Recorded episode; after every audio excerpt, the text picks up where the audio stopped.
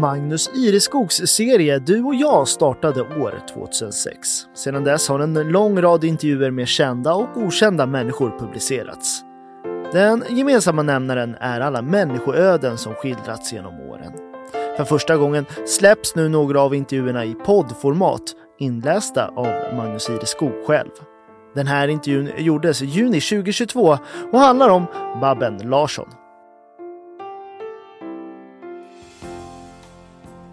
Babben Larsson, rolig i rutan och alltid ett skämt på fickan. Men det finns en annan sida, en Barbro före Babben. En som sökte tröst hos korna för att hålla ut under uppväxten. I början av juni lanserades hennes uppväxtskildring just med namnet Barbro före Babben.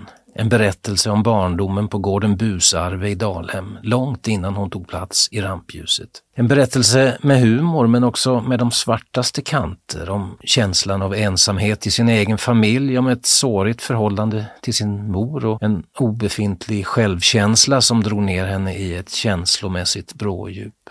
Och om kor, de kor på gården som hon som barn sökte tröst hos när livet blev övermäktigt.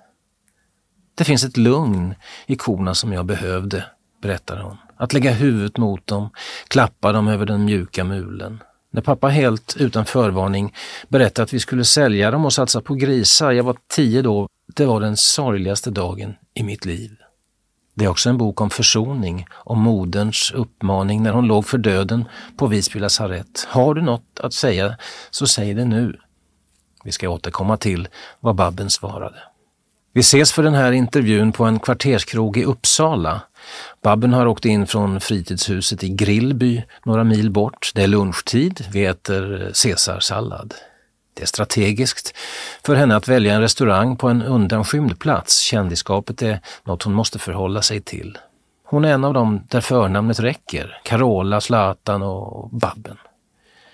Jag kom tidigt och noterade hur övriga på uteserveringen vände sig om och iakttog när hon steg ur bilen. Noterade du det, att de tittade? Nej, jag försöker vara i min värld. Jag känner mig inte särskilt iakttagen, även om jag förmodligen är det. Jag har mina strategier i vardagen, det är inte svårare än så. Under lunchen kommer två personer fram och frågar om de får ta selfies, vilket de får. Och servitrisen berättar att hon har anknytning till Gotland och kocken kommer ut och hälsar. Men så är hon också mer synlig i det offentliga rummet nu än någonsin tidigare. Jag är tv jämt, som hon säger. Inte minst har hon fått en annan yngre publik genom tittarsuccén Bäst i test som nu gått i sex säsonger. Det är drygt 30 år sedan Babbens nationella genombrott. Hon som tidigare bara inom citationstecken var ett namn på Gotland. Tillfället är exakt. Tv-programmet Släng dig i brunnen hösten 91. Stand-up var tämligen nytt som underhållningsform. In på scen kom en bullrig och lite tjock tjej som pratar gotländska och säger att i nätstrumpor ser hennes lår ut som kassler och att hon provat telefonsex men när hon stoppat in luren är det så svårt att höra. Det satte sig direkt, det var en så stark one-liner, minns hon. Efter det var allting annorlunda. Hon kände att första halvåret var hon närmast paranoid, funderade på att emigrera rent av, men så insåg hon att det här är som det är nu. Hon är igenkänd och får dela med det. Hur är det, kollar folk i kundvagnen när du handlar? Ja, det händer. Fan vad hälsosam du är, säger de. Jag lägger upp avokado, gurka och mandel på bandet när de står där med sina chips. Var det till den plats du är idag, karriärsmässigt, som du en gång längtade? Nej, det kan jag inte säga. Jag har aldrig haft några mål, inte på det sättet. Mycket är slump. När jag sökte scenskolan visste jag knappt vad det var och sedan dess har jag varit styrd av förfrågningar. Jag har haft en förtröstan att det skulle funka och det har det gjort. Idag har Babben skurit ner på ståuppandet, ben och fötter har tagit stryk och hon orkar inte gigga fyra, fem kvällar i veckan längre. Istället har programlederiet mer tagit över. Bäst i test redan nämnt och även En mot Sverige. Det rullar på. Det går bra nu. Jag är tacksam för det, säger hon, men snart faller jag för åldersstrecket. Jag vet hur det fungerar på tv. Men det fanns en annan tid innan Barbro blev Babben. Vilket hon för övrigt blev under högstadieåren på Romaskolan, då dock ännu inte för nationen känd. Jag frågar vem det är jag pratar med under den här intervjun och hon säger att nu är det jobb, då är det Babben. Jag måste hålla isär det där. Jag har gränser för det privata och jag vet när jag närmar mig dem. Fast det är lite mer Barbro än det brukar vara med tanke på innehållet i boken. Barbro växte upp på en gamla tidens bondgård med sju, åtta kor, ungnöt, några suggor, desto fler höns, kaniner, katt, en jakthund. Det var hon, systern Elisabet, mamma Vivan och pappa Rune liksom mormor och morfar, Alma och Konrad. Föräldrarna hade förstås arv från sina tidigare generationer. Gotländsk landsbygd, slit och släp, hårda tag och gamla värderingar. Jantelag, du ska inte tro.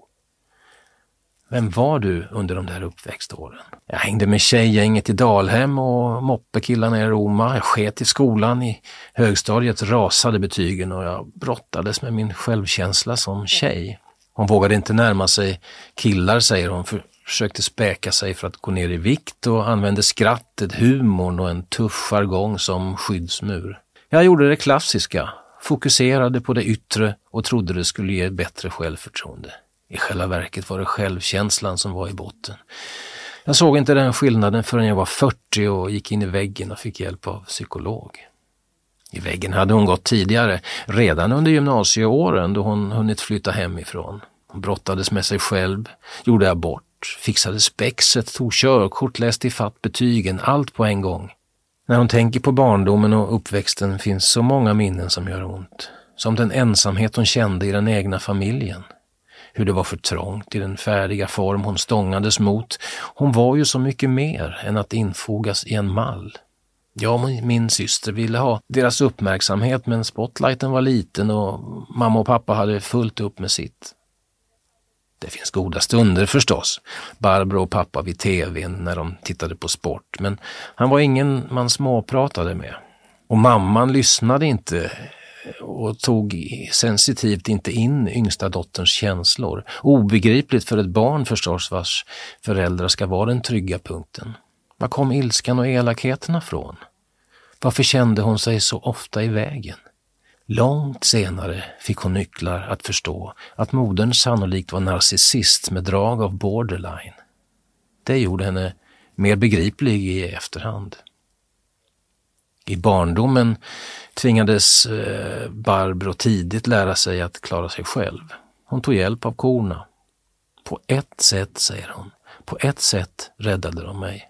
Där fick jag tröst, där fanns lugnet. Mest älskade hon 31 krona, en moderlös kalv som hon känslomässigt adopterade. Tidiga tankar fanns på att bli psykolog eller journalist men faktiskt också kobonde. Än idag säger hon det inte som otroligt att det skulle kunnat bli så. Om det inte varit för det svenska jordbrukets metamorfos som startade under 1960-talet. De mindre gårdarna, familjejordbruken som var tvungna att skala upp för att överleva. Vår jord visade sig då vara bäst lämpad för grisar och plötsligt såldes alla kor. Inte ett ord hade sagts till mig om det. Det kom som en fullständig chock. Mest sörjde hon sin 31 krona. Så mycket att pappa körde runt med Barbro tills de hittade hennes vän betandes på en äng tillsammans med en annan ko från Busarve. Hon hade det bra, det var en liten tröst. Men det där sitter så hårt än idag. Jag tror det var därför jag blev allergisk faktiskt. Vadå? Ja, inte bara mot hö utan mot hela gården. Att det var psykosomatiskt. Jag orkade helt enkelt inte mer. Inte fästa mig vid fler djur. Det kom också att bli vägen bort från gården. Att växa upp på en gård som gått i släkten sedan generationer, i Busarves fall sedan 1500-talet, är en tyngd på mångas axlar Bamben kände den definitivt. Hon ville inte bli som sina föräldrar. Hon ville inte bli kvar. Även om hon, som hon sa, kanske hade blivit kobonde om inte korna sålts på det där smärtsamma viset och ersatts av 600 grisar. Hon behövde hitta något som var hennes eget, som teatern. Där kunde hon blomstra. Tidigt blev hon ett namn på lokala scener. Hon tog snacket om gården i Gävle det var 1988. Hon spelade Den stora vreden och föräldrarna var där i publiken. Det var tufft, men jag hade min väg att gå. Syrran gick in i kontorsvärlden, jag hade hittat scenen. Jag berättade att nej, jag tar inte över gården. Föräldrarna blev kvar på Busarve tills de dog. När gården var såld var Babbens känsla mest lättnad. Den hade hamnat i bra händer och tyngden av generationer lyftes från axlarna. Det var känslan av att vara fri. Jag hade farit runt mycket men nålen var alltid fäst vid busarven. Nu var jag, ja, fri. Så var har du din nål idag? Alla människor behöver ha nålen någonstans, tänker jag. Hon funderar ett tag. Det är lördag. Runt om oss har folk börjat dricka öl. Den finns i Grillby, tror jag. Jag kände att jag behövde en egen plats att landa. Jag letade runt i Stockholm, avfärdade många platser, men Grillby, där fanns känslan. Jag tog huset innan jag ens varit inne i det. Så dit åker hon nu när hon har några dagar ledigt. Det tar en dryg timme från hemmet till Råsunda. På Gotland finns stugan i Gammelgarn som hon delar med sin syster och barnens familjer. Men där är hon gärna inte under sommaren. Då undviker hon ön, väl medveten om att hon är en del av den gotländska kulissen. Men kontakten med hemön är ständig, inte minst som trogen prenumerant på Gotlands Tidningar. När du ser tillbaka på uppväxten, Babben, hur stor plats tar den idag? Ja, det finns saker jag brottas med som självkänslan. Den är bättre, men även jag får mina bakslag. Jag fick hjälp av en psykolog för att se bättre framåt. En del vänner finns kvar, Gunilla från tjejgänget, några till, en och annan moppegrabb. Hon stöter på dem ibland i Roma. Hon saknar stigarna i skogarna runt gården, säger hon, men ångrar sig inte. Det blev bra som det blev. Babben skrev boken för att hon fick ett bokkontrakt med Storytel. Svårare var det inte. Eller jo, svårt. Ett motstånd behövde övervinnas. Ett blankt papper där först ett porträtt av pappa trädde fram och en skildring av det gamla bondesamhället. Därefter mamma med sina tillkortakommanden och den såriga relationen till henne. Under skrivandet kom kritiken även mot pappa fram. Varför ställde han sig inte på dotterns sida? Varför sa han inte ifrån när mamman var elak? Men hon kunde ju inte bara lyfta fram mammans negativa sidor. Det kändes djupt orättvist. Så viktigt för mig var att det fanns en försoning. Har du något att säga så säg det nu, sa mamma när hon låg för döden. Och att då komma med en massa oförrätter, det gör man inte. Babben var 56. Det är tio år sedan hon satt vid moderns dödsbädd på lasarettet. Nu fick hon chansen att säga vad hon kände. I tidningens arkiv hittar jag syskonens minnesord efter sin mor. De beskriver den tusenkonstnär hon bar. Att det är lättare att räkna upp göromålen hon inte kunde än de hon kunde. Hur hon gallrade betor i pressande sol och kröp i leran om hösten för att nacka dem. En idog arbetsnarkoman. Så vad svarade du där vid dödsbädden? Jag svarade att jag tror att alla gör så gott de kan. Mer kan man inte göra. Jag ville att hon skulle gå i frid. Babben hade de föräldrar hon hade och det gjorde henne till den hon är. Så är det för alla. De fick henne att breda ut sina vingar och att slipa sina svärd. Det är en inte ovidkommande insikt. Hur den var måste jag se på hur det blev. Vem hade jag blivit om jag inte haft mamma och pappa? Det är den tiden som la grunden till den individ jag är idag. Korna räddade dig, sa du. Vilka är dina kor idag, om man säger så? Likväl som alla behöver nålen fäst behöver alla en ko. Det är min pojkvän. När jag vilar huvudet mot hans axel, då känner jag tryggheten och lugnet. Hur tänker du kring att ge offentlighet åt allt det här som boken innehåller? Babben har ätit upp, fått in en kopp svart kaffe. Hon låter den lilla medföljande chokladrutan vara. Jag har tänkt mycket på det, stämt av med syrran. Många kände mamma och pappa, men samtidigt är det här min sanning. Vissa minnen är bara mina. Hon fick inte de fysiska bestraffningar jag fick. Det här är mina upplevelser. Gå en mil i mina skor, ta del av mitt liv. Sen kanske du ser mig på ett annat sätt. Så säger hon. Är det en lättnad att få ur dig det här för att sedan gå vidare? På ett sätt är det så. Jag har redan hos journalister som läst boken märkt ett annat tilltal och en annan nyfikenhet. Det finns en annan Babben. Fanns och finns i någon mån än idag.